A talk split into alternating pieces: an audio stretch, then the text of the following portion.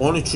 Bölüm Kurt ile Karga İstanbul-İzmit arası Otoban Bu gece Yolu bölmeleri ayıran beyaz şeritler birbiri ardına sonsuza giden bir çizgi gibi uzanıyordu gecenin karanlığı içinde. Korkut Hoca kendi yolunu belirleyen bu şeritlerden gözünü ayırmıyor, mütevazı sayılabilecek arabasıyla son sürat İzmit'e doğru yol alıyordu.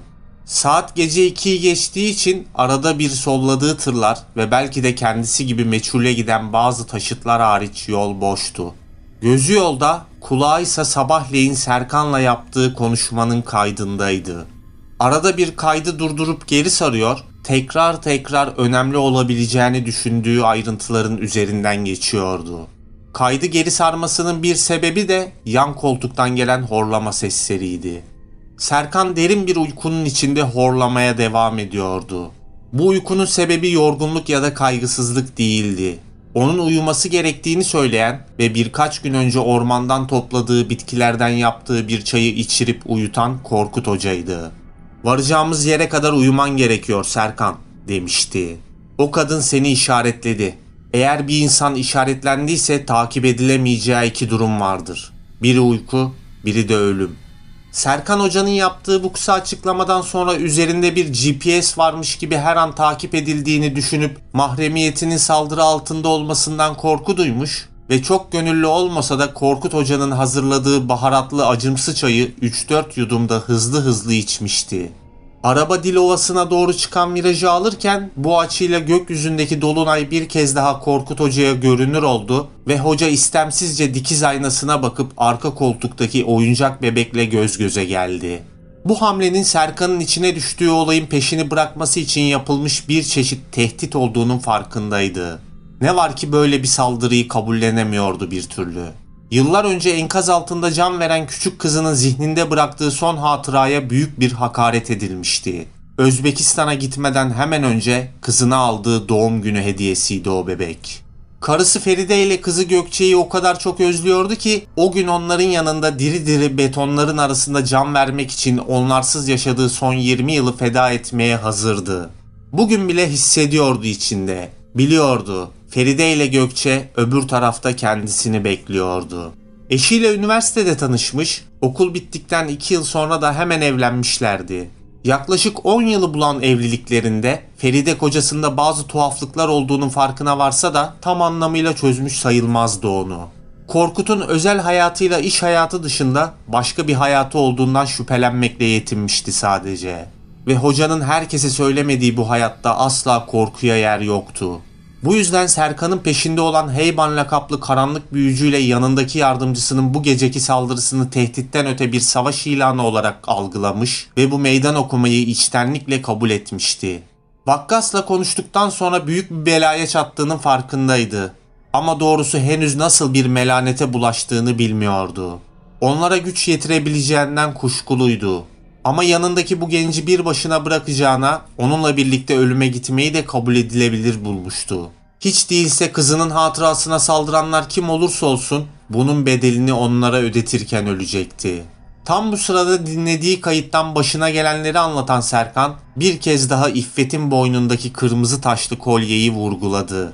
Korkut Hoca şimdi Serkan'ın sabahki söylediklerini Vakkas'ın söyledikleriyle birleştirmiş ve bu bilgiyi biraz daha anlamlandırarak İffet namlı o kadının cinlerini muhtemelen boynundaki kolye sayesinde etki altında tuttuğunu aklının bir köşesine yazmıştı. Cinlerin buna benzer tılsımlı eşyalar sayesinde kontrol altına alınabildiği bu işlerle uğraşanlar tarafından bilinen bir gerçekti. Bu hikayede bilinmeyen henüz Heyba'nın kim olduğuydu. Vakkas onun hakkında fazla bir bilgi vermemişti. Korkut'un bildiği tek şey Heyba'nın binlerce yıldır hayatta olması ve misafir kabul etmez köyündeki doğumu ve ölümü belli olmayan diye bilinen mezarla bir ilişki içinde olduğuydu. Mezar aklına gelince Özbekistan yıllarından kalma hatırlamak istemediği başka bir anı aklına düştü ve kafasını dağıtmak için Serkan'ın başından geçenleri anlattığı kaydı durdurup radyodan bir müzik kanalı açtı.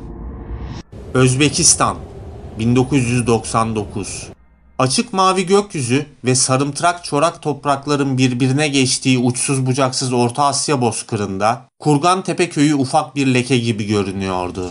Mimari ahenkten yoksun birkaç kerpiç ev, ahşap buğday ambarları ve diğerlerine nispeten daha fazla emek harcandığı belli ahşap çitlerle çevrilmiş tek minareli küçük cami. Bunların haricinde göze çarpan başka bir yapı yoktu.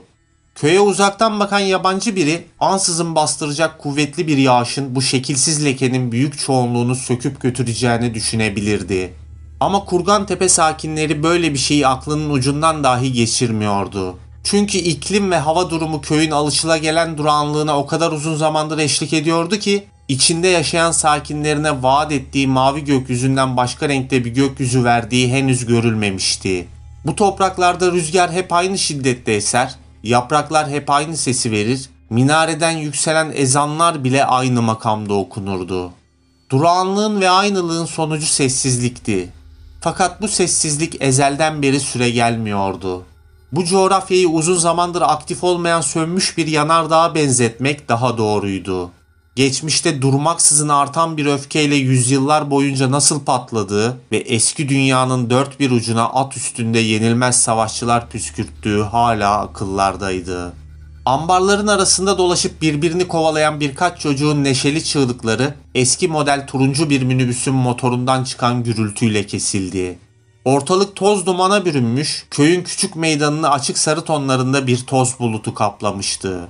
Kasabanın pazarından dönen köy sakinleri birer ikişer minibüsten iniyor, içlerinden bazılarına kuşavlamak için sapan yapımında kullanılan serum sipariş eden ufaklıklar, ısmarladıkları serumu bir an önce almak amacıyla yaşlıların önünü kesiyordu. Bu sırada minibüsten inen iki yabancı dikkatlerini çekti.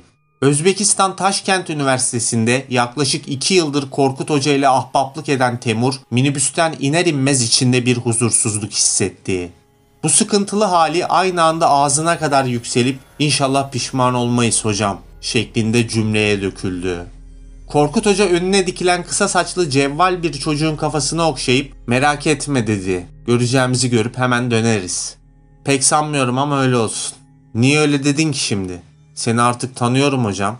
Temur'un yüzüne bakarak söylediği son cümlede ima edilen inatçı yakıştırmasını gülerek karşıladı Korkut. Bu esnada biraz uzaktan onları fark eden köy muhtarı yanlarına gelip onları karşılamış ve aralarına katılarak rehberlik görevinin ifasıyla onlarla birlikte yürümeye başlamıştı. Yaklaşık bir yıldır Temur'la birlikte ziyaret ettikleri 14. yerde burası. Geçen sürede Fergana, Buhara, Taşkent ve Semerkant'ta 15-16 eve konuk olmuşlar ve hepsinde birçok memorat derlemişlerdi. Dinledikleri birbirinden farklı bu esrarengiz hikayelerde birbirlerine yarenlik ettikleri için artık aralarından su sızmıyor, yedikleri içtikleri ayrı gitmiyordu.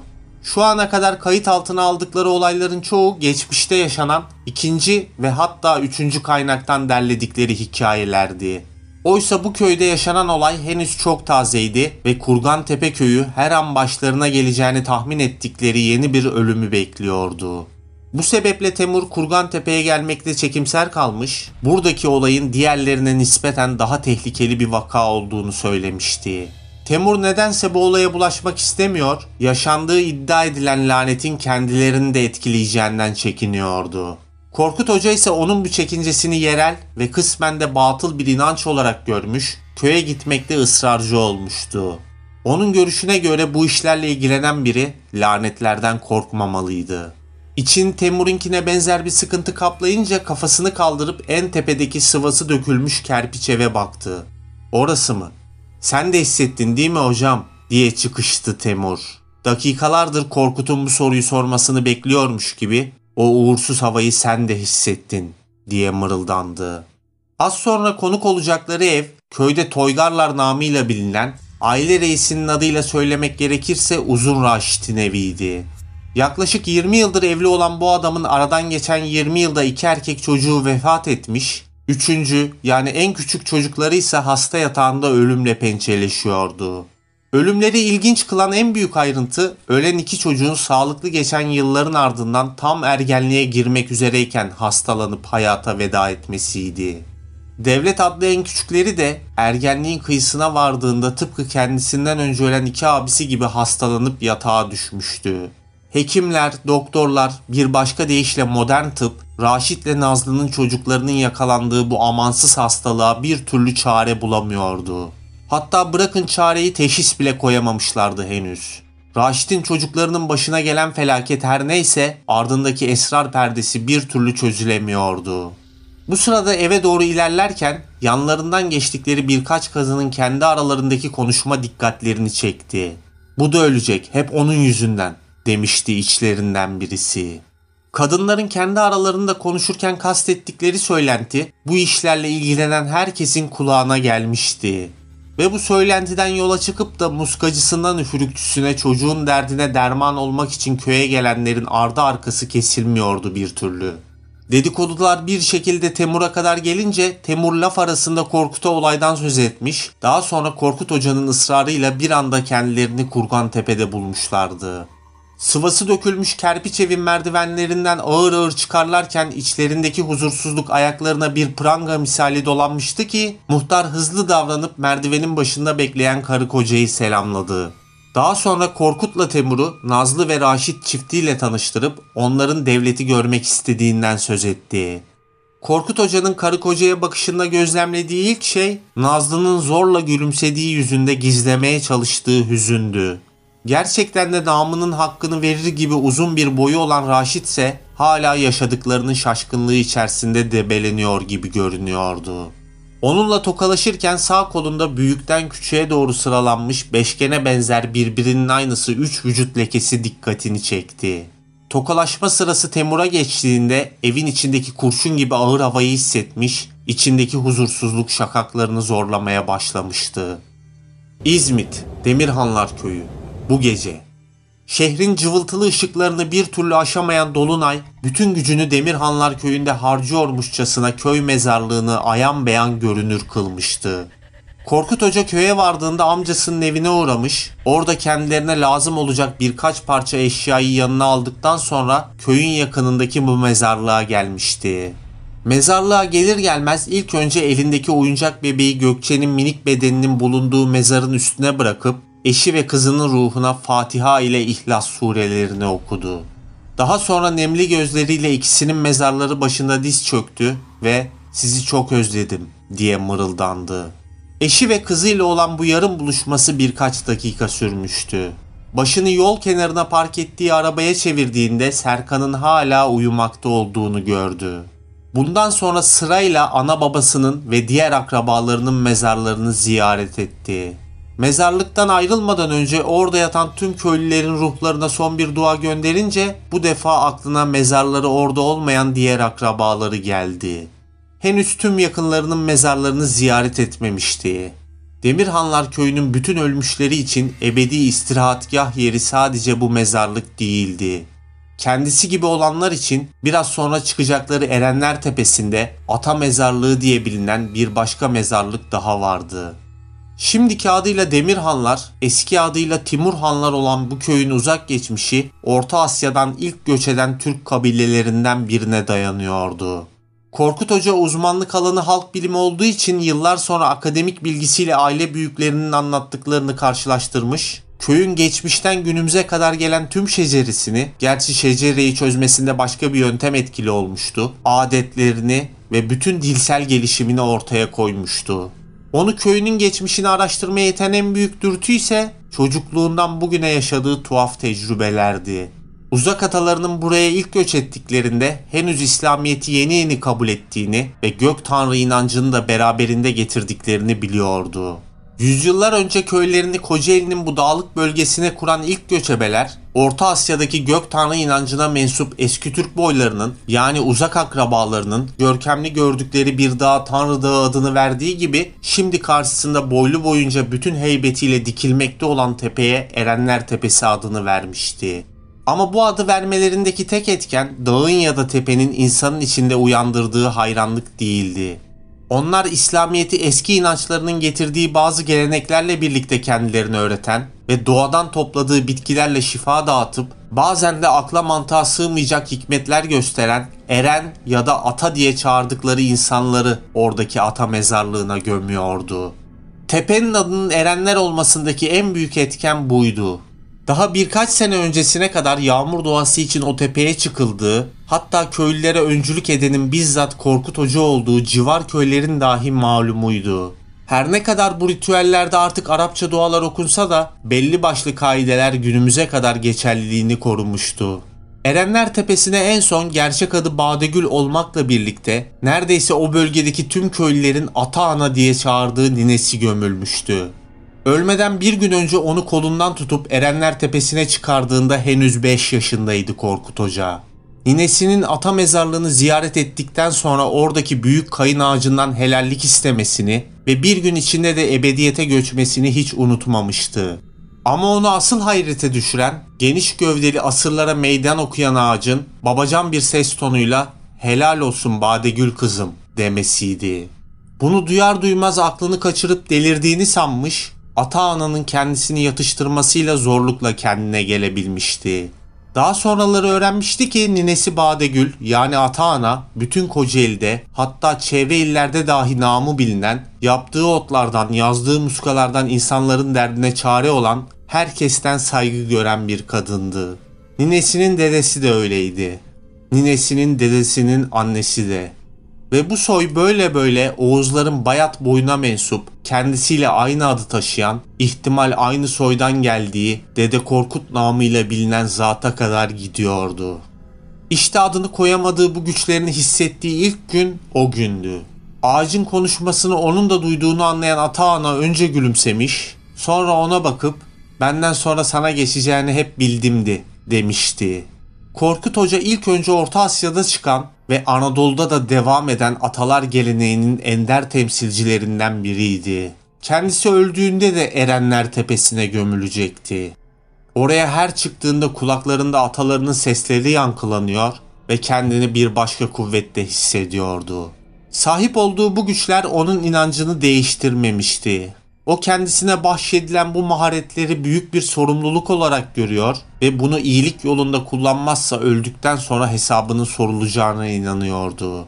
Bu yüzden kendisinden yardım isteyen herkese yardım eder, güçlerini karanlık büyülere karışanlara karşı kullanırdı.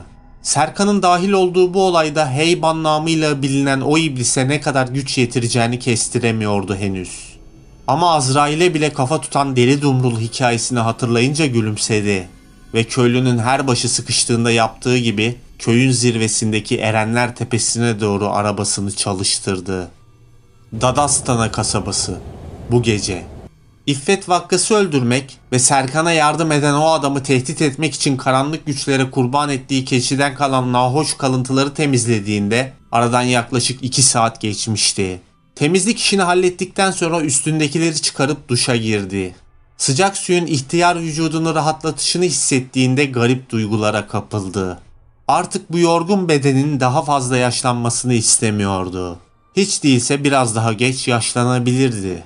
Heyba'nın her şey bittiğinde ona bunun yöntemini vaat ettiğini hatırlayınca gülümsedi.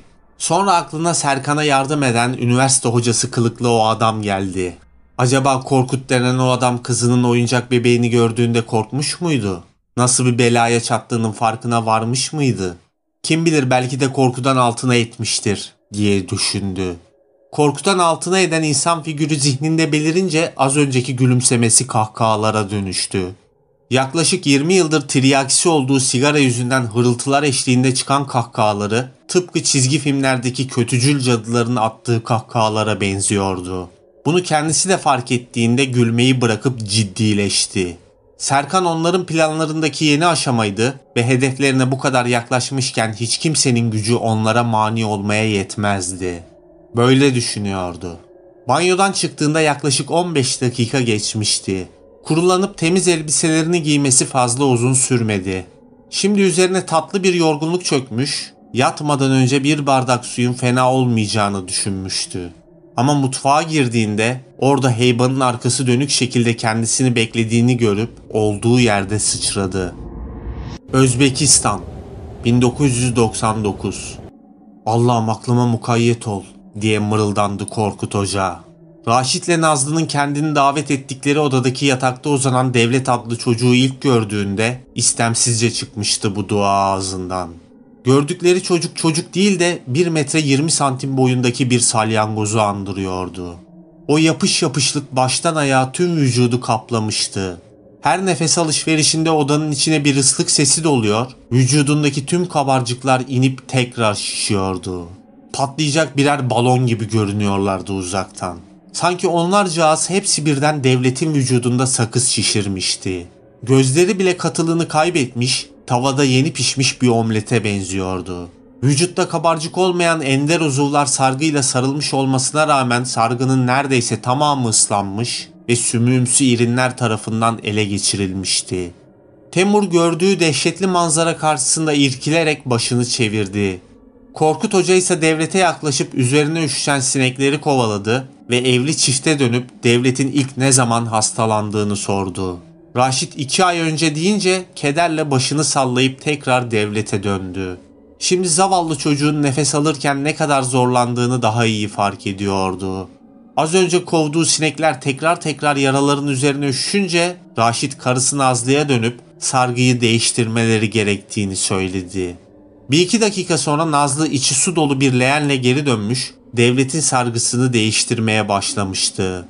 Bu arada gördüğü manzaranın şokundan kurtulan Temur, Raşit'e bakıp devleti kastederek neden hastanede değil diye sordu.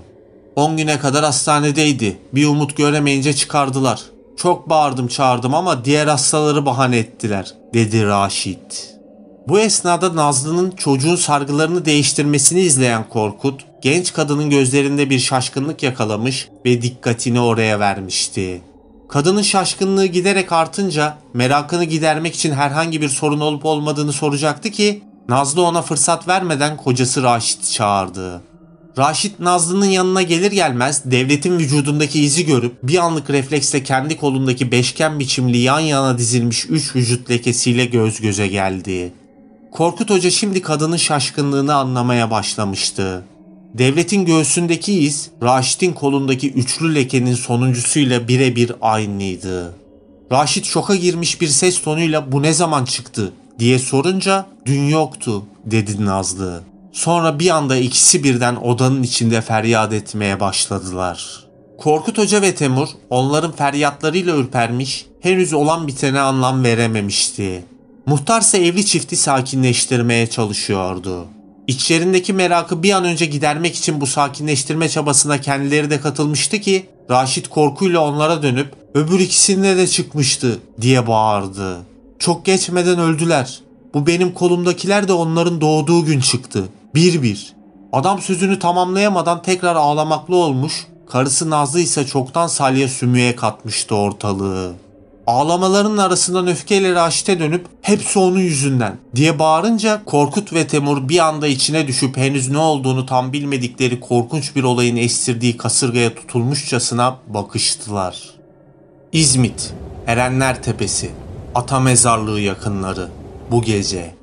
Neredeyiz hocam? Hani köy nerede? Nereye getirdin beni? diye bağırdı Serkan arabadan iner inmez. Uyanalı henüz birkaç saniye olmuş, gördüğü manzaranın hissettirdiği yoğunluk ve uyku sersemliği yüzünden ses tonunu ayarlayamamıştı.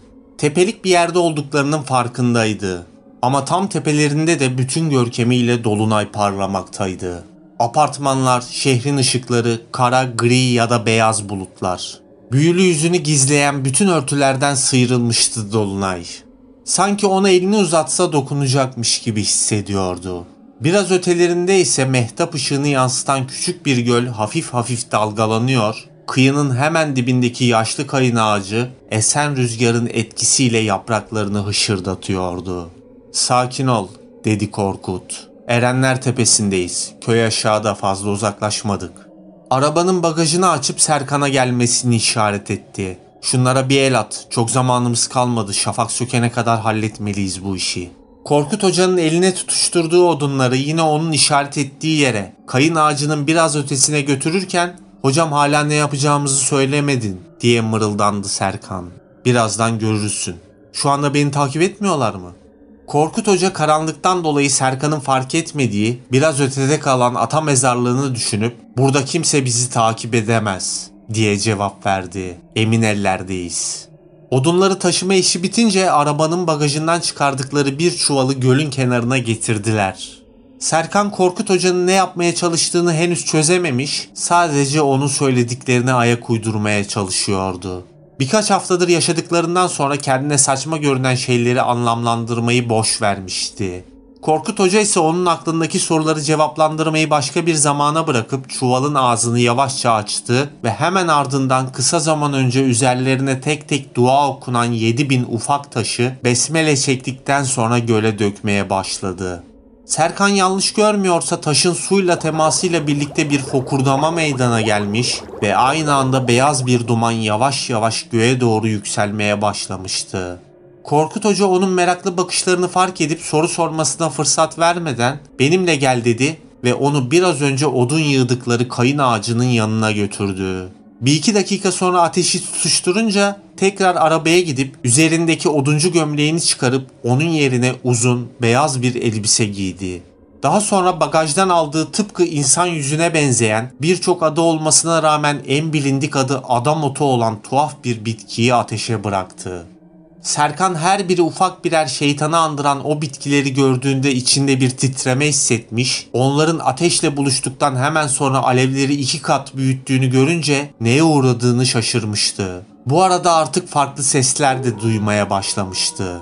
Tepeyi çevreleyen uzak dağlardan gelen kurt ulumaları karga böğürtülerine karışıyor, ara ara başka kuşların cıvıltıları ve neye ait olduğunu bilmediği hayvan sesleri bu cümbüşe eşlik ediyordu. Tam bu esnada asıl şaşkınlığıysa kafasını göğe çevirdiğinde yaşadı. Az önce göle bıraktıkları taşların etkisiyle mi yoksa bir anda kendilerinin olduğu bölgede oluşan hava hareketliliğinden mi kaynaklandığını anlamadığı bir şekilde gökte bir takım kara bulutlar belirmeye başlamıştı. Az önce bütün çıplaklığıyla görünen dolunay şimdi yer yer o bulutların arasında kayboluyordu. Bu yaşanan tuhaflığı Korkut Hoca'nın da fark edip etmediğini anlamak için ona dönünce hocanın sivri bir bıçak ve ufak bir tasla birlikte kendisine doğru gelmekte olduğunu görüp olduğu yerde sıçradı. Korkma korkma. Biraz kanına ihtiyacımız var sadece. Avucundan alacağız. Serkan karşı çıkmak istese de Korkut Hoca'nın kendine güvenen tavrı buna mani olmuştu. Bu yüzden sesini çıkarmadan hocanın kendisine uzattığı bıçağı avucunun arasına koyup hızlıca aşağı çekti. Kesik ufak olmasına rağmen canını acıtınca avucundan akan kanları tasa dolduran Korkut Hoca'ya bakıp ''Hocam sen şaman mısın?'' diye sordu.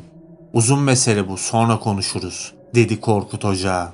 Tasın yeteri kadar dolduğuna ikna olunca Serkan'ın elini sarması için bir mendil uzatıp içi kan dolu tası ateşin üzerine döktü. Daha sonra tekrar arabaya gidip bu defa üzerine kilimlerdekine benzer kırmızı motifler işlenmiş yassı bir davul ve iri bir tokmakla birlikte Serkan'ın yanına geldi. Şimdi bir şey yapman gerekiyor Serkan. Serkan'ın dikkat kesildiğini görüp ondan az önce yaktığı ateşin önüne oturmasını istedi. Ardından heybanı gördüğün üç yer var diye söze başladı. Biri köprüde, biri Dadastana'da, biri de rüyanda. Gözlerini kapat ve bu üç anı hatırlamaya çalış. O iblisin yüzüne odaklan. Sanki o anları tekrar yaşıyor gibi göz göze geldiğini düşün. Bunu yapabilir misin? Serkan başını evet anlamında sallayınca onun gözlerini kapatmasını bekleyip Dolunay'a baktı ve eski Türkçe bazı cümleler söyledi. Şimdi ağır adımlarla bir daire çizerek Serkan, Ateş ve Kayın ağacının etrafında dönmeye başlamıştı. Serkansa yavaş yavaş un kapanı köprüsünde heybana doğru yürümekte olduğunu hissediyor. Ara ara kulağına çalınan eski Türkçe bazı sözleri ve davul seslerini duyuyordu. Dadastana kasabası bu gece.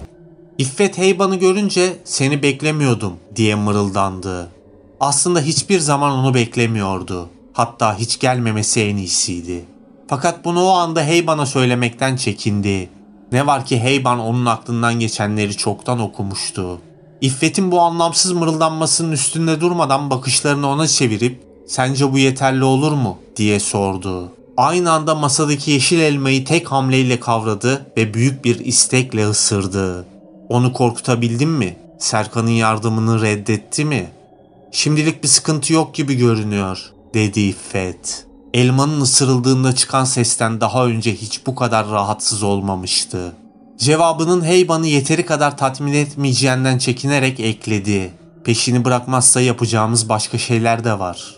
İffet bir tuhaflık hissediyordu. Üstelik şimdi olan bir şey değildi bu.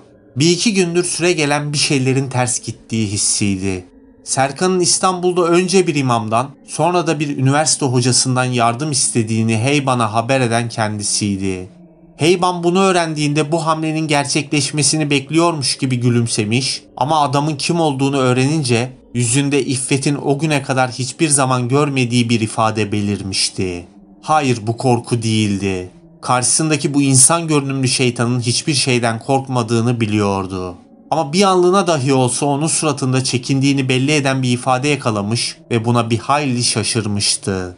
Şimdi Heyban'ın art arda sorduğu sorular yine aynı duyguyu hissettirmişti ona. Şu yersiz ve zamansız ziyaret bile başlı başına Heyban'ın bir şeylerin ters gitmesinden çekindiğini göstermiyor muydu?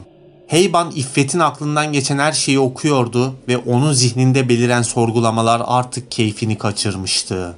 Üstelik İffet'in zihni durmak da bilmiyordu bir türlü. Bir anlığına bu çok düşünen kadının kalbini söküp elindeki elmayı değil de kalbini kütürdetmeyi istedi. Sonra bu isteğinden sıyrıldı. Yıllar içinde kurban edip ruhlarını, ömürlerini ve güçlerini çaldığı yabani hayvanların vahşi arzuları ara ara ruhunda dalgalanıyor ve ona yapmaması gereken şeyler yaptırıyordu. Ama başka bir Abbas Hoca'ya çarpmak istemiyorsa ulu orta herkesin çiğ çiğ yenilemeyeceğini de öğrenmeliydi. Elmayı masaya bırakıp İffet'in sorgulamasını başka bir yöntemle kesmek için hayır ondan korkmuyorum ama çekinmekte haklıyım diye çıkıştı. Sense bunu anlayamayacak kadar gençsin. Dışarıdan bakıldığında Heyba'nın genç, İffet'in ise yaşlı olması söyledikleriyle bir tezat oluşturmuştu. Binlerce yıldır yaşıyordu Heyban. Doğduğu yer Orta Doğu'da kurulan en eski medeniyetlerden biriydi. Bugünkü gücüne doğar doğmaz sahip olmamıştı. Bu güce ulaşmak, yani bedeninde birçok hayvanın, insanın ve cinin yeteneklerini kullanabilmek için karanlık büyülere başvurmuş, ona bu büyüleri öğreten ölümsüzlere ise hayatı boyunca kendisini borçlu hissetmişti. Güce kavuştuğu ilk zamanlarda yani ilk birkaç yüzyıl hatta belki de bin yıl boyunca şu anki bilincinde olmadığı için bazı zor anlar geçirmişti. Bu zorlukların en büyüğü kendisi gibi olan hatta belki de kendisinden daha güçlü kimseler tarafından fark edilmekti. Uzun bir ömre sahip olmuştu. İnsan aklının alamayacağı kadar geç yaşlanıyordu. Ama henüz ölümsüz değildi ve eski zamanlarda hayatta kalmak bugünkünden çok daha zorluydu. Ona en büyük zorluğu yaşatan 600'lü yıllarda Mekke'de beliren son peygamberdi. Onun doğrudan doğruya ilahi kaynağa bağlı olduğundan şüphe edince önce aradığı şeyi ondan öğrenmek için saflarına katılmak istemiş ve kutsal topraklara gitmeye çalışmıştı. Ama ne yapıp ne ettiyse sürekli bir engel çıkıyor, bir türlü ona ulaşamıyordu. Bunun sebebinin uzun zaman önce yaptığı karanlık anlaşmalardan, büyülerden kaynaklandığını, yani lanetlendiğini fark ettiğinde uzun bir süre ortadan kaybolup mağaralara çekildi. Tekrar ortaya çıktığında aradan yüzyıllar geçmiş, son peygamber ebediyete irtihal etmişti. İşte ikinci büyük zor anını da o yıllarda yaşadı. Bu defa ona sıkıntı çıkaranlar başka bir diyardan geliyordu. Orta Asya'dan akın akın gelen, ok kullanmakta mahir, at kuyruğu yaptıkları saçlarıyla at üstünde savaşan korkusuz göçebeler. Her geçen gün Orta Doğu'da hatta Anadolu'da söz sahibi oluyor, gözlerine kestirdikleri bir hedefi yok etmekte zorluk çekmiyorlardı. O günlerde kendisini onlara beğendirebilirse iyi bir makam ve mevki elde ederek peşinde olduğu şeyi daha rahat şartlarda arayacağını düşünmüş ve Kaşgarlı namıyla tanınan bir Adem'in yazdığı kitaptan onların dillerini öğrenmişti. Fakat bu çabasının boşuna olduğunu anlaması uzun sürmedi. Bu göçebeleri sözlerle kandırıp ikna etmek o kadar kolay değildi. Üstelik şöyle de bir tehlike vardı ki bunu onlara yanaşmaya çalışan başka yabancılardan da görmüştü. Onları ikna edip kandırdığınızı sandığınız bir anda bir kılıç darbesiyle başınızdan olabilirdiniz. Bu göçebeler sözlerle değil daha çok hisleriyle hareket ediyordu.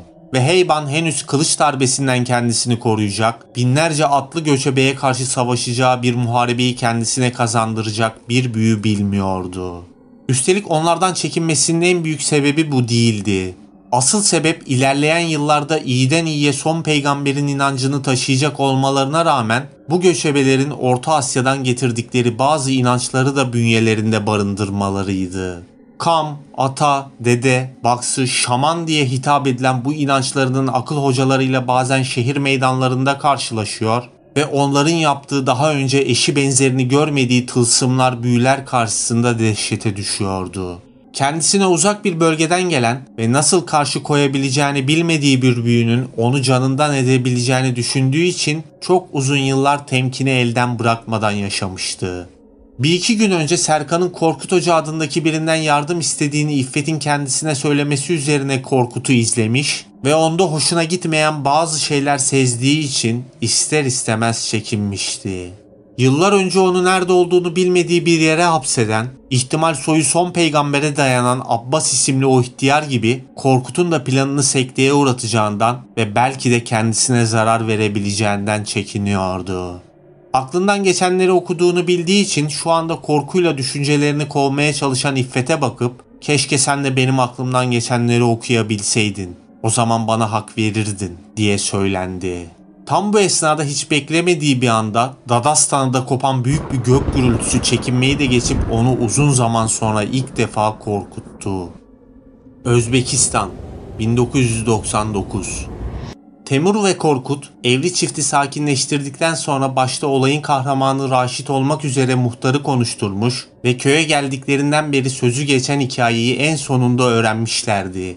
Raşit'in anlattığına göre kendisi 24 yıl önce Buhara'da askerliğini yaptığı sırada bir çarşı izninde şehrin sokaklarında dolaşırken ayran satan Begimay adında bir kıza rastlamış ve ona kör kütük aşık olmuştu.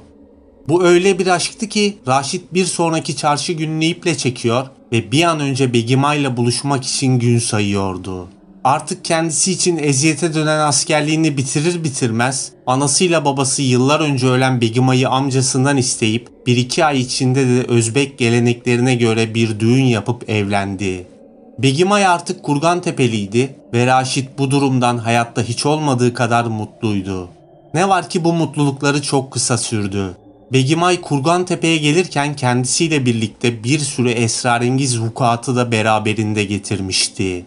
Henüz evliliklerinin ilk yılında durup dururken mutfaktan bir tabak ya da oturdukları odadaki bir vazo gibi türlü türlü eşyalar hiçbir müdahale olmadan düşüp kırılıyor. Şimdi evin duvarında son günlerinde çekilen siyah beyaz bir fotoğrafı olan Raşit'in rahmetli annesi Kumru, bu uğursuzlukların Begimay'ın taşıdığı nazar ve kötü ruhundan kaynaklandığına inanıyordu.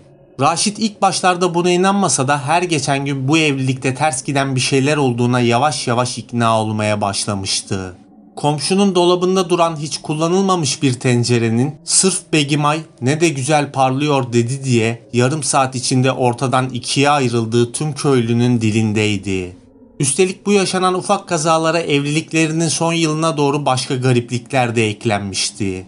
Raşit artık her gece Begimay'ın yatağında çıkardığı hayvan böğürtülerine benzer seslerle uyanıyor ve penceresine konan baykuşları kovalamakla sabahı ediyordu.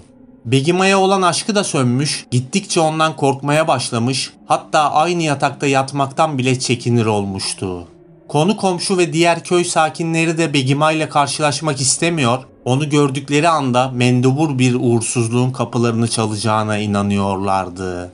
O günlerde söylenenlere göre istisnasız her gece köye gözün en yakın mesafeyi bile seçemediği yoğun bir sis basıyor, köy sabahlara kadar puslar altında kalıyordu. Yaşanan bu garipliklerden sonra bir gün ansızın Begimay tıpkı Raşit'in yıllar sonra doğacak üç oğlu gibi yatağa düştü ve vücudunda kötü kokulu yaralar çıkmaya başladı. İlerleyen günlerde konuşma yetisini de kaybedecekti ama hala bu yetiye sahip olduğu zamanlarda yanına gelen Raşit'e onun söyledikleriyle ifade etmek gerekirse o gün şöyle demişti. Raşit bil ki annenin ve komşuların dedikleri doğrudur. Anamı babamı kara kışın bastırdığı bir gece albızların hortlakların kaçırdığı söylenir dururdu. Biliyorum ben de efsunluyum. Yakında beni de alacaklar. Ama sen beni yalnız bıraktın. Hep konu komşunun dedikleriyle iş tuttun. Ben de sana bir muska bağladım. Eğer ki benden sonra evlenirsen şunu unutma. Seninle birlikte soyun kuruyacak. Bunu söyledikten sonra çok zaman geçmemişti ki Begimay çektiği acılara dayanamadığı için pencereden atlayarak intihar etti. Herkes o günleri tüm dehşetiyle yaşamış ve yaşanan bu olayın etkisinden uzun yıllar boyunca kurtulamamıştı.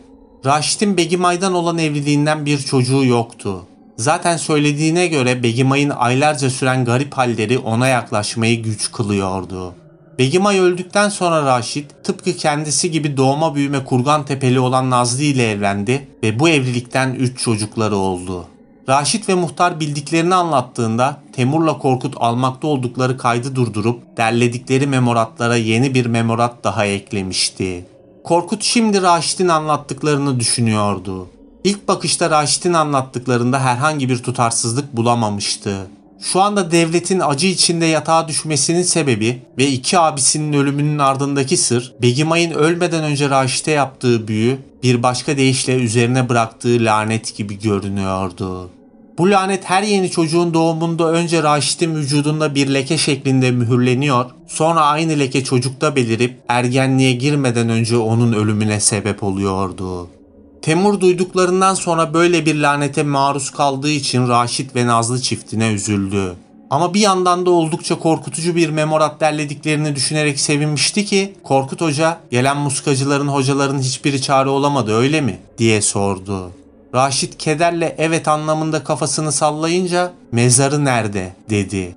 Onu nereye gömdünüz? Temur Korkut Hoca'nın yine işin peşini kolay kolay bırakmayacağını anladığı için sinirlenmişti. Bu sırada söze giren muhtar Raşit'ten önce cevap verdi. Aktaş tepesine gömüldü hocam. Tek başına yatar orada. Köylü istemedi köy mezarlığına gömülmesini. Korkut Hoca elini çenesine götürüp şimdi gidebilir miyiz peki? Çok uzakta mı mezarı? diye sorunca yok yok hemen gideriz deyip eliyle kapıyı gösterdi. Raşit devleti bu halde bırakmak istemediği için onlara katılmadı. Temursa Korkut'un yine başlarına bir iş açacağını düşünerek hayıflandı. Muhtar Temur ve Korkut kısa sürede Aktaş Tepesi denilen İzbeyer'deki mezara ulaşmıştı. Köylülerden bazıları bu yolculukta onlara eşlik etmek istermiş gibi görünse de istisnasız tamamı bir bahane öne sürerek onlarla gitmedi. Temur şimdi mezarı inceler gibi sağına soluna bakıyor, Korkut'un böyle bir ziyaret yapmasındaki sebebi merak ediyordu. Birkaç dakika içinde dualarını da okumuşlar. Yapacak başka bir şey bulamadıkları için geri dönmeye karar vermişlerdi ki siz gidin dedi Korkut. Ben sonra gelirim. Temur ilk başta itiraz etse de daha sonra bu itirazlarından bir sonuç çıkmayacağını düşünerek Korkut'a fazla gecikmemesi gerektiğini söyleyip muhtarla birlikte mezardan ayrıldı. Korkut ikilinin mezardan uzaklaşmasını izledi önce. Sonra onların gözden kaybolduğuna ikna olup elini mezarın üzerindeki toprak yığınının üzerinde gezdirdi. Çok geçmeden beklediği şey gerçekleşmeye başlamıştı. Her seferinde bir göz yanılması sanardı bunu ama bu bir göz yanılması değildi. Merhumenin gömülü olduğu toprak yığınları inceden inceden titreşiyor, mezarın üzerinde ufak bir toz bulutu meydana geliyordu. Bu arada üzerine tatlı bir yorgunluk çökmüş, göz kapakları ağırlaşmaya başlamıştı. Fazla geçmemişti ki elleri mezarın üzerinde uyuyakaldı. Temur şu anda onu görse şüphesiz Korkut'un bu yaptığını çok saçma bulurdu. Ne var ki bu basit bir uyku değildi. Ona henüz kendisi hakkındaki gerçeği anlatmamıştı Korkut. Çocukluğundan beri hatta ata ana öldüğünden itibaren ölülerin ruhlarıyla iletişime geçebildiğini, onların başına gelen olayları bir film şeridi gibi görebildiğini söylememişti. Gerçi bu tam anlamıyla bir iletişim sayılmazdı. Onlarla konuşamıyordu. Ama gördüğü şeyler onları tanıması için yeterli oluyordu çoğunlukla. Bu yaptığına bir bakıma ölü toprağının üzerinde istihareye yatmak da denilebilirdi. Kendi kökenini, atalarının kimler olduğunu Erenler Tepesi'ndeki ata mezarlığında sırayla tüm mezarlarla bu yöntemle iletişime geçerek öğrenmişti. Yaklaşık 10 dakika sonra sıçrayarak uyandığında delirmiş gibi titredi Korkut. Gördükleri aklını allak bullak etmiş, nasıl bir belaya tanık olduğunu henüz kavrayamamıştı. Bir süre olayın şokuyla mezarın başından ayrılmadı ve Begimay'ı, onun yaşadıklarını düşündü. Daha sonra bir anda bütün gücüyle Kurgan Tepe'ye doğru koşmaya başladı. Tarlalardan, tepelerden, kestirme toprak yoldan geçerken gözü hiçbir şey görmüyor, hala az önce gördüğü sahneler dönüyordu kafasının içinde. Köye geldiğinde kanter içinde kalmış, kendisinin başına bir şey geldiğinden şüphelenen Temur'un sorularıyla uğraşmadan doğruca muhtardan kazma kürek istemişti. Muhtar kazma küreği getirince bir hışımla alıp Raşit'in evinin önündeki bahçede gözüne kestirdiği bir alanı kazmaya başladı. Bütün köy onun bu tuhaf hareketlerinden etkilenmiş, hepsi başına üşüşmüş, pür dikkat onu izliyordu şimdi. Raşit bir ara onun bu hareketine anlam veremeyip engel olmaya çalışmıştı ki Korkut Hoca onun elinden kurtuldu ve kazmaya devam etti. Birkaç dakika sonra kazdığı yerden küçük bir kutu çıkarıp herkesin gözünün önünde kutuyu açtığında kalabalığın dikkatle onu izleyen gözleri korkudan bir kat açılmış, kadınlar feryada başlamış, çocuklar ellerini yüzlerine götürmüştü. Topak topak saç telleri bir kemiğe düğümlenmiş, kemiğin üzerine rengini kandan aldığını tahmin ettiği kırmızı renkli bazı işaretler ve harfler kazınmıştı. Hoca köylünün dehşetli bakışları eşliğinde elinde tuttuğu bu iğrenç bileşimi ateşe verdiğinde Raşit'in sağ kolundaki lekenin gittikçe kaybolduğunu oradaki herkes bütün çıplaklığıyla gördü. Devletin odasında olan biteni pencereden izleyen Nazlı, aynı lekenin devlette de silindiğini bütün ahaliye ilan edince topluluk bunu devletin iyi olacağına yormuş, bir anda ortalığı bir mutluluk kaplamış, köyün ileri gelenleri sırayla Korkut Hoca'nın boynuna sarılmıştı. Korkut Hoca sabırla tek tek onların sarılma merasiminin bitmesini beklerken biraz uzakta kendisine bakan Raşit'le göz göze geldi. Erenler Tepesi bu gece. Tıpkı Dadastan'da olduğu gibi Erenler Tepesi'nde de bir anda hava aydınlanmış ve hemen ardından müthiş bir gök gürültüsü kopmuştu. Serkansa bu gürültüden hiç etkilenmemiş gibi hala gözleri kapalı durmakta ve hayalinde Un Kapanı Köprüsü'nde gülü korkutan heybana bakmaktaydı. Uzaklardan duyduğu kurt ulumaları, karga ve diğer hayvanların sesleri, Korkut Hoca'nın belirli bir ritimle vurduğu davuldan çıkan gümbürtülere karışıyor, hocanın sesli olarak okuduğu dualar gücüne güç katıyordu sanki. Artık hey bana bakarken ondan korkmadığını hissediyordu. Ama şimdi bir anda başlayan yağmuru da hissetmişti. Önce yavaş yavaş, sonra iyice hızlanan yağmur damlaları yanaklarından çenesine doğru kavis çize çize ilerliyordu. Bu ıslaklık hissi heybanla karşılaşma hayalini silikleştirince bir anda kurt ulumaları ve çalınan davulun gümbürtüsü daha fazla duyulur oldu. Korkut Hoca'nın hala etrafında döndüğünü fark etmesine rağmen yağan yağmur yüzünden heybanla karşılaşma anını hayal etmek güçleşmişti. Bu durumu Korkut Hoca'ya söylemesi gerektiğini düşünüp gözlerini açınca bir anda gördüklerine inanamadı.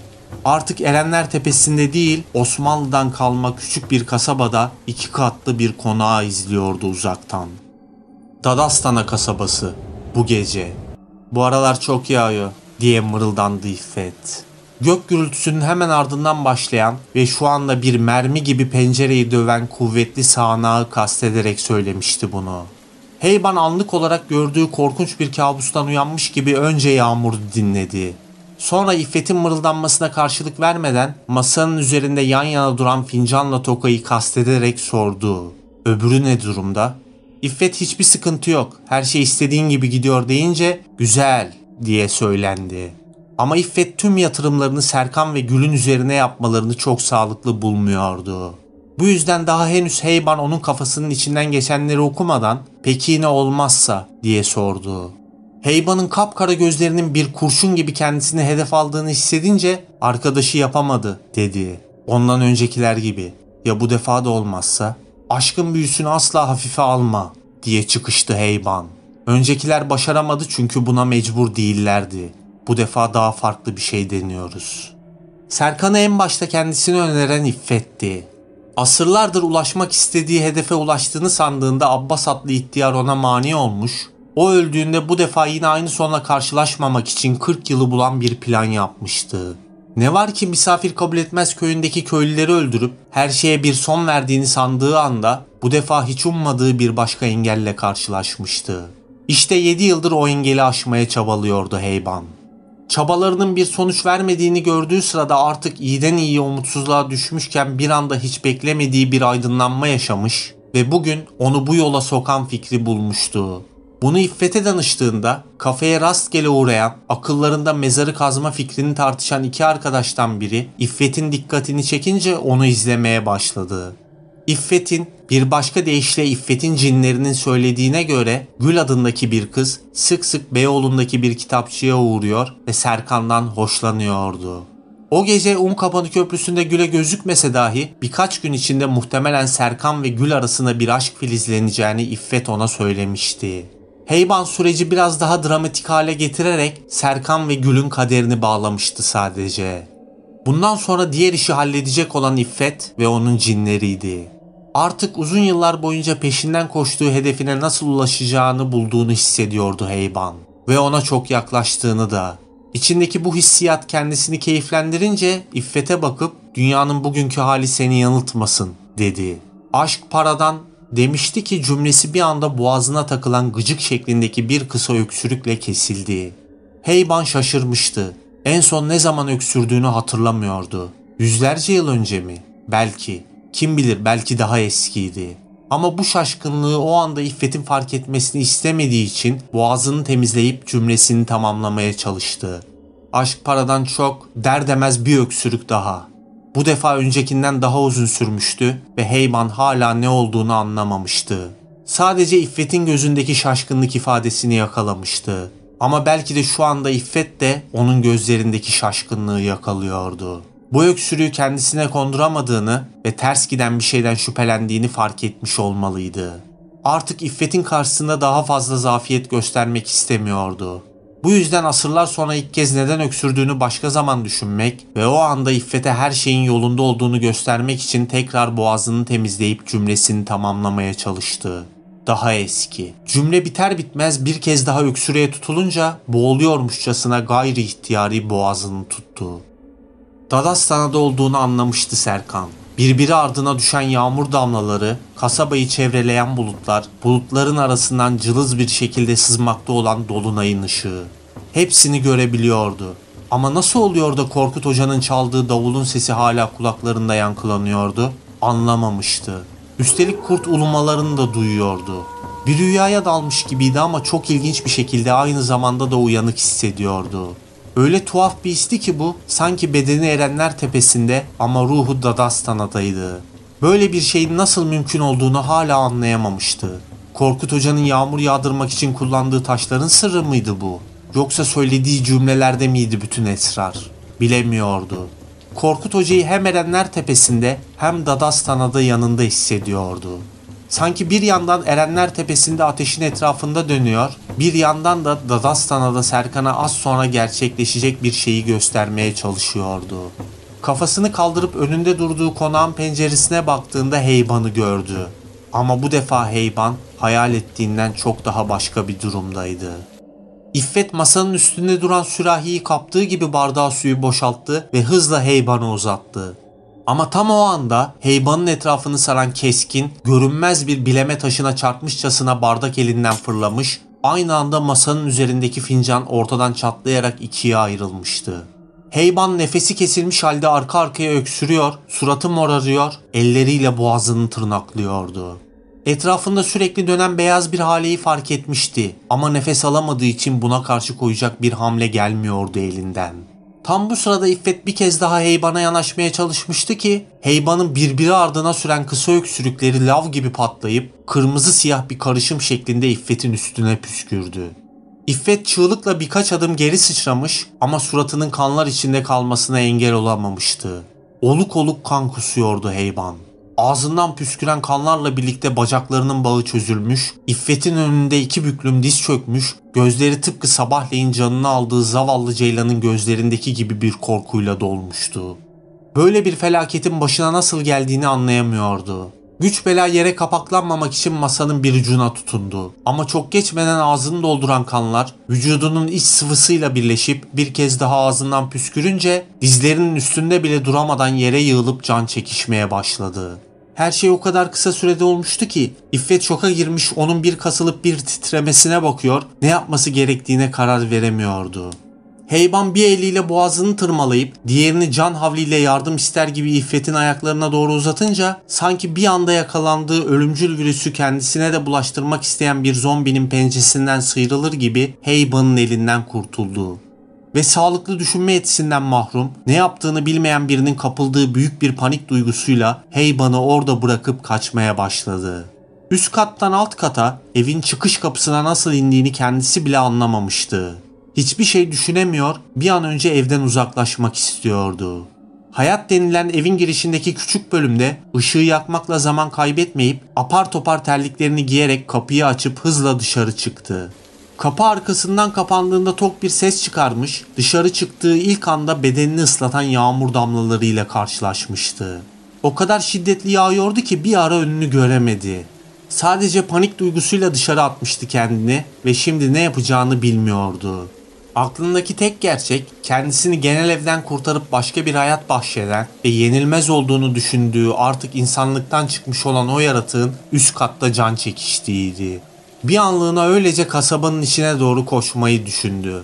Ama sonra yağmur damlalarının arasından yavaş yavaş ortaya çıkan manzara onu kalbi yerinden fırlamışçasına korkuttu. İşte şimdi başlarına geleni anlıyordu İffet. Bu imkansız diye düşündü önce. Sonra az evvel Heyban'ın çekinmekte ne kadar haklı olduğunun farkına vardı. Ne var ki iş çekinme aşamasını çoktan geçmiş, artık sıra altına edercesine korkma vaktine gelmişti. Kafasını nereye çevirirse çevirsin her tarafta bir çift gözle karşılaşıyor ve onların vahşi hırlayışlarını duyuyordu. Evin dört bir köşesi kurtlar tarafından sarılmış, hepsi öfke dolu gözlerini iffete dikmiş, hamle yapmak için fırsat kolluyordu. Korkutmak istedikleri adamı tam tersine fena halde kızdırdıklarını ve o güne kadar eşi benzerini görmediği bir büyüyle karşı karşıya olduğunu nihayet kavramıştı. Diri diri kurtlar tarafından parçalanacağını kabullenme aşamasındaydı artık. Çember gittikçe daralıyor, kurtlar hırlayarak kendisine doğru yaklaşıyordu. Arkasını dönüp kapıya koşsa yetişemeyeceğinin farkındaydı.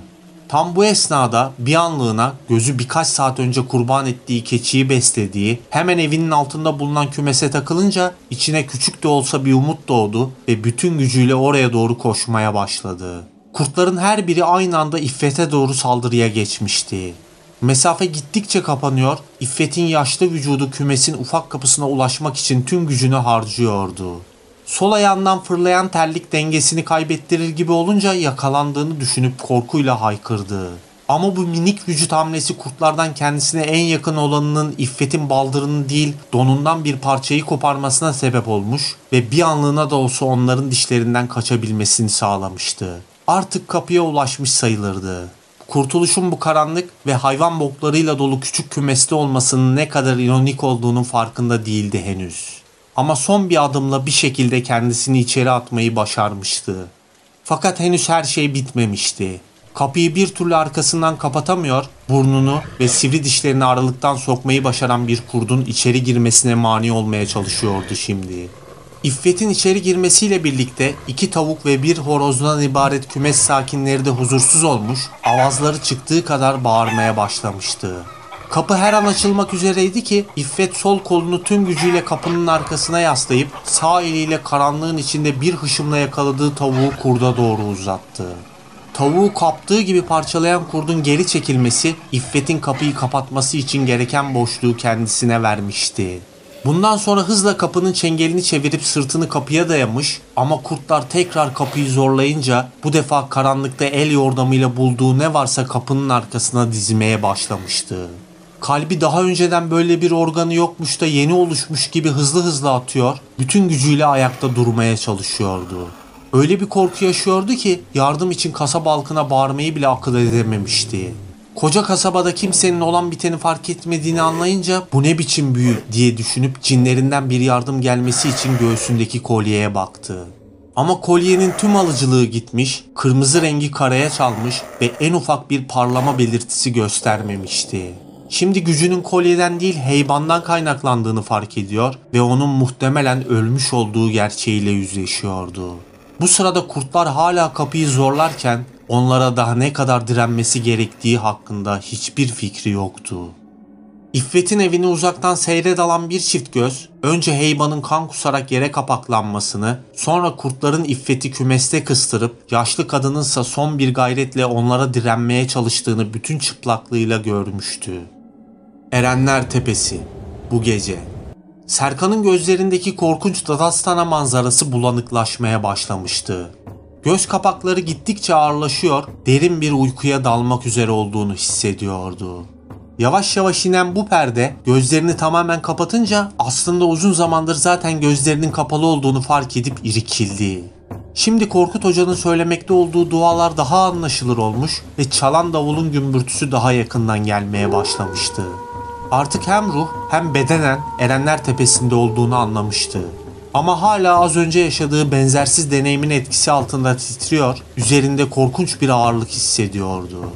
Heyba'nın kendi kanında boğuluşunu, İffet'in ise korkuyla evden çıkıp kurtlar tarafından kümese kıstırılışını, hayalle gerçeğin iç içe geçtiği bir alemde izlemişti. Aynı manzarayı Korkut Hoca'nın da gördüğünden hiçbir şekilde şüphe etmiyor ve eylemi gerçekleştirenin bizzat o olduğunu, hocanın tıpkı söylediği gibi kendisi üzerinden Heyban'a ulaştığını biliyordu. Ama artık ikisi arasındaki bu etkileşim onu fazlasıyla yormuş, üzerindeki bitkinlik dayanılamayacak boyuta ulaşmıştı. Korkut Hoca'nın hala etrafında çember çizdiğini fark ettiği sırada beyninde giderek artan bir baskının etkisiyle neredeyse kafasının patlamak üzere olduğunu hissetmişti ki daha fazla dayanamayıp çığlık atarak gözlerini açtı. İşte tam o anda yani gözlerini açmasıyla birlikte önce önünde ne zamandır yanmakta olduğunu bilmediği ateş sönmüş, sonra Korkut Hoca etrafında döndüğü çemberi durdurmuş ve en sonunda ise büyük bir gök gürültüsüyle aynı anda gökten bir karaltı düşmüştü. Serkan tutulmuş diliyle bir şeyler söylemeye çabalarken Korkut Hoca'nın da tıpkı kendisi gibi hatta belki kendisinden daha fazla yorgun düştüğünü görüp sarsıldı. Korkut Hoca ise ağır hareketlerle elindeki davulu bir kenara bırakıp gökten düşen karaltıya yaklaştı ve onu eline aldıktan sonra Serkan'ın önüne atıp konuştu. Artık bir daha rahatsız etmeyecek seni.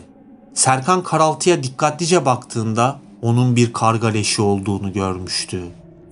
Özbekistan 1999 Korkut Taşkent Üniversitesi'nde öğleden sonraki son dersini de bitirmiş, ağır adımlarla odasına yürümekteydi. Temur'la Kurgan Tepe'ye yaptıkları ziyaretin ardından bir ay geçmesine rağmen hala kendisini toparlayamamıştı. Neredeyse bütün neşesi gitmiş, aklı allak bullak olmuş, insan denen varlığa karşı tüm umutlarını yitirmiş gibi hissediyordu. Zihnindeki görüntülerden bir türlü kurtulamıyor, her gece kabus görüp ansızın Begimay'ın çığlıklarıyla uyanıyordu. Zavallı Begimay diye düşündü. O gün Begimay'ın mezarında uyuduğunda onun başından geçenleri bir görüntü kesiti şeklinde görmüş ve kendilerine anlatılan birçok şeyin yalan olduğunu anlamıştı. Raşit'in anlattıklarındaki tek doğru Begimay'ın gerçekten de özel biri olduğuydu. Ama nazar değdiren ve kötü bir ruha sahip olduğu söylentisi Raşit'in ve onun birkaç sene önce ölen annesinin uydurmasıydı. Begimay'ın sadece diğer insanlara göre altıncı hissi biraz daha gelişmişti ve bazen çok yakında olacak olayları insanların niyetlerini önceden sezebiliyordu. Allah'ın bir lütfu olarak görülebilecek bu yeteneğin yanında Raşit ve annesine göre Begimay'ın bir de kusuru vardı. Çocuğu olmuyordu.